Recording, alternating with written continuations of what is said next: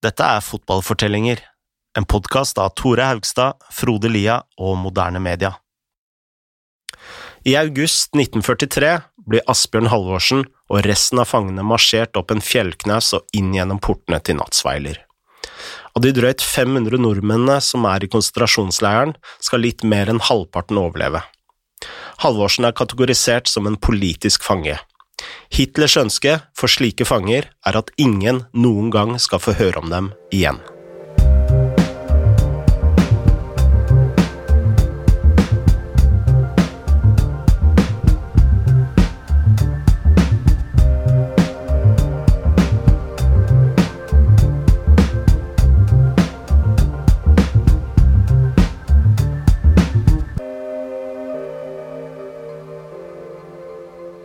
Da Halvorsen sist var i Tyskland, var det som stjerne i Hamburg. Nå var han fange nummer 4796. Han ble sendt til Natzweiler, en eh, leir som lå i en sone øst i Frankrike som tyskerne hadde annektert. Halvorsen var ikke den eneste kjente personen i Natzweiler. De som var der, var politiske fanger, altså folk som hadde gjort opprør mot nazistene.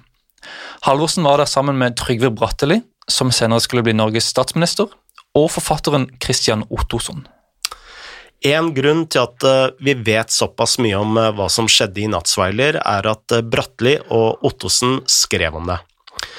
Bratteli skrev senere memoarene Fanget i natt og tåke, og den tittelen refererer til navnet disse politiske fangene fikk, altså Nacht und Nebelfanger, eller Natt- og tåkefanger, om du vil. Hensikten til Hitler var å få disse fangene til å forsvinne sporløst, uten at noen visste hva som hadde skjedd med dem. Målet var å skremme andre fra å gjøre politisk opprør. Bratteli skrev at eh, natt- og tåkeideen førte til leirer hvor hensikten var å avskjære fangene fra enhver kontakt med utenverden, leirer der de skulle dø av sult og umenneskelig behandling. Ifølge Bratteli måtte fangene i Nattsveiler jobbe i steinbruddet fra seks om morgenen til seks om kvelden. Leiren var full av sykdom, vold og underernæring. Av og til ble fangene straffet ved at de måtte stå nakne i flere timer utendørs i opptil 14 minusgrader. I prinsippet skulle man tro at alle disse fangene ble behandla likt, men det var ikke tilfellet når Halvorsen dukka opp. I hvert fall ikke ifølge boka til Bratteli. La oss høre fra Jan Åge Fjørtoft.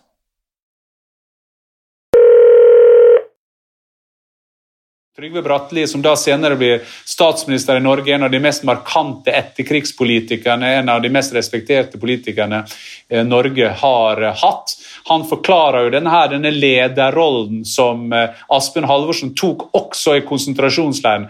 Husk det, han er tidenes yngste kaptein han, når han da vinner med Sarpsborg i 1917. Han er kaptein på Hamburger Sportsfrein, han er landslagssjef for bronselaget. Eh, han blir sekretær for det norske fotballandslaget, nei, unnskyld, for norske, eh, Norges Fotballforbund. Så denne lederrollen var veldig naturlig for han. Men, men Trygve Bratteli forteller om denne, denne lederen, denne, denne mannen som, som, holder mot i eh, gutta i, i leiren. Og du kan tenke Når Haspen Halvorsen kommer der, så får jo fangevokterne sjokk. Dette er jo en av de største altså Den mest kjente eh, norske eh, eh, De vet om, selvsagt, men en av de mest kjente spillerne som var, hadde spilt på store Hamburger Sportsfrein, eh, var plutselig der. Eh, seks-sju år etterpå så kommer han som, eh, som fange i, i, sin leir. I begynnelsen så fikk han en del privilegier. Han, og han utnytta disse privilegiene til å hjelpe de norske fangene. Det var en dødsrate på 50% Det satt 500 Eh, nordmenn, nordmenn, i akkurat denne leiren. Det var en dødsrate på, på 50% og, og Der forteller jo spesielt Trygve Bratteli om, om denne eh, fantastiske lederen som holdt mot i sine lagkamerater. Eh, uten at jeg kjenner Asbjørn Halvorsen, uten at vi vet nok om han, så tenkte jeg at det var en helt naturlig rolle for Asbjørn Halvorsen å gå inn i også på et sånt, eh, på et sånt ja, en, en dødens venteværelse. En av eh, fordelene Halvorsen fikk i Nattsveiler, var at han slapp unna det verste blodslitet. Fangevokterne ga ham eh, administrativt eh, arbeid, eller papirarbeid om du vil, noe han brukte til å dele ut lettere oppgaver til de norske fangene. Et eksempel på dette var da Bratteli ble satt til å arbeide under den mest fryktede arbeidslederen i leiren. Halvorsen ordna en legeavtale til Bratteli, noe som ga han fri fra arbeidet i en liten periode. Halvorsen hadde også et kontaktnettverk som hjalp han med å få nyheter fra fronten.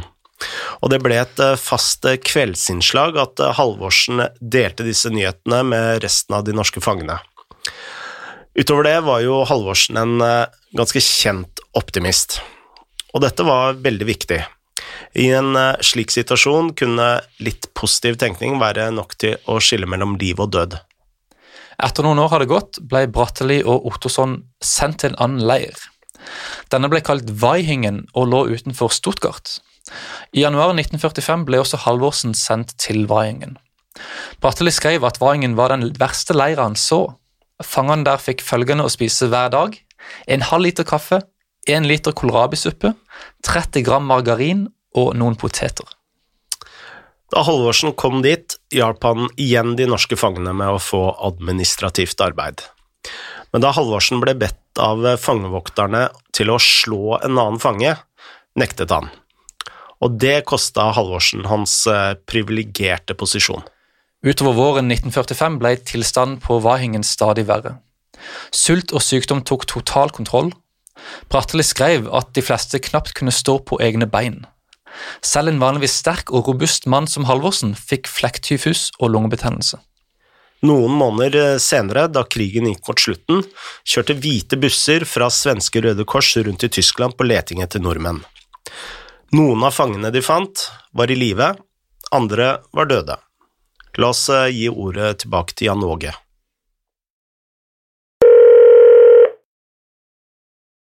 Jeg synes det var det mest rørende når vi begynte å, grave ned i dette her, for at man fikk noen tidsvitner, og det ble, ble, forskjellige folk som hadde pratet om det angivelig. Og jeg sier angivelig, for det, det, er ikke sånn at vi kan bare google oss fram til absolutt alt i, i disse historiene som skjedde den gangen. og vi jo outposta.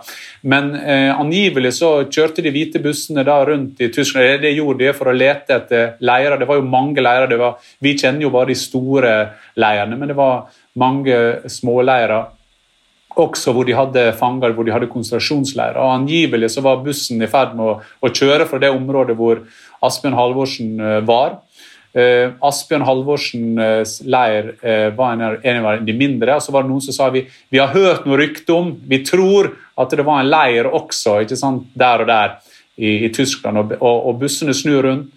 Eh, og da var jo, når de kom inn denne leiren, så var jo de var jo eh, utsulta, selvsagt. De var slitne, de hadde sykdommer. Det var jo det, bør, det, trenger ikke man stor fantasi for å tenke på at de var jo uh, utrolig slitne alle. Men det var sånn at de som var mest slitne, de som var mest syke, de som var mest, rett og slett de som var mest, nesten, mest nærme døden, de ble tatt først. Og Asmund Halvorsen ble tatt ut med båre. Han, eh, han, var veldig veldig svak. Han hadde, var nesten ingenting. Han var en ganske stor mann, og ble jo ganske stor senere etter krigen, også når vi ser bildene av ham. Men, men han, var, han, han, ble dratt ut på båre. Det var vel ingen som trodde at han skulle overleve. Så han var en av de første da, som fikk lov å gå, for han var så syk. Og det var en veldig fin eh, det, det blir rørt en dag i dag når jeg tenker på det. Det var en veldig fin scene når han da blir tatt inn i de hvite bussene. Og, eh, og de medfangene som da kunne bidra til å hjelpe han inn i bussen. Så sier han ene nordmannen til, til, de eh, fra Røde Kors eller hvem det er som, som hjelpte, så sier han dere må holde han i live, for han har lovt oss fribilletter og gratis billetter på Ullevål etter, etter når krigen er ferdig. Så hold denne mannen i live. Halvorsen veide 48 kilo da han ble frakta inn i en av de hvite bussene. På vei inn i bussen kollapsa han og måtte ha hjelp fra bl.a. en doktor for å komme til live igjen. Den hvite bussen gikk videre til en annen fangeleir utenfor Hamburg, som het Neuengamme. Og vi husker jo spissen Otto Tull Harder, eller Tulla som han også ble kalt, som var Halvorsens stjernemakker i Hamburg på 20-tallet, og som senere meldte seg inn i nazipartiet. Kun noen måneder før Halvorsen kom til Neuengamme, hadde Harder faktisk vært fangevokter i akkurat den leiren. Det neste som skjedde, var at Halvorsen ble sendt til Helsingborg. Der fikk han behandling på et sykehus, og deretter dro han til Stockholm, hvor han var gjest hos det svenske fotballforbundet helt til han klarte å hente seg inn. Og deretter var endelig neste stopp Norge.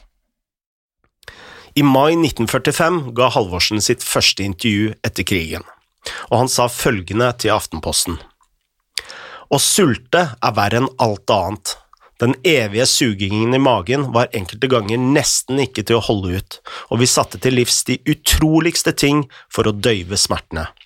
Et par ganger var jeg så langt nede under sykdommen at jeg holdt på å gi opp, men viljen til å leve seiret, og så gikk det fremover igjen. De norske fangene døde som helter. Jeg så aldri de andre fangene møte døden med samme mot og urokkelig sinnsro som nordmennene. Jeg trodde aldri at vi mennesker kunne bli så sterke. I Norge tok Halvorsen opp sin gamle rolle i NFF. Selv om helsa var alvorlig svekka, kasta han seg inn i nye oppgaver. Han ble med i styret til et nytt selskap som het Norsk Tipping. Han var med på å bygge baner over hele Norge, og han var med på å få landslaget tilbake på beina. En annen ting Halvorsen gjorde, var å utvikle et eh, norsk seriesystem. Han sa riktig satt opp og riktig organisert kan en ligaserie med ukentlig offentliggjørelse av tabellen skape stor publikumsinteresse. Kamper mellom lag i bunnen av en klasse er likså interessant som kampene på toppen. Dette høres ut som den Halvorsen vi kjenner fra de første episodene, men eh, de som jobba med han etter krigen, sånn dag til dag, merka at han hadde endra seg. Øyvind Steen Jensen har skrevet at Halvorsen utviklet seg til å bli en demonisk leder. Vi ba ham eh, forklare denne beskrivelsen.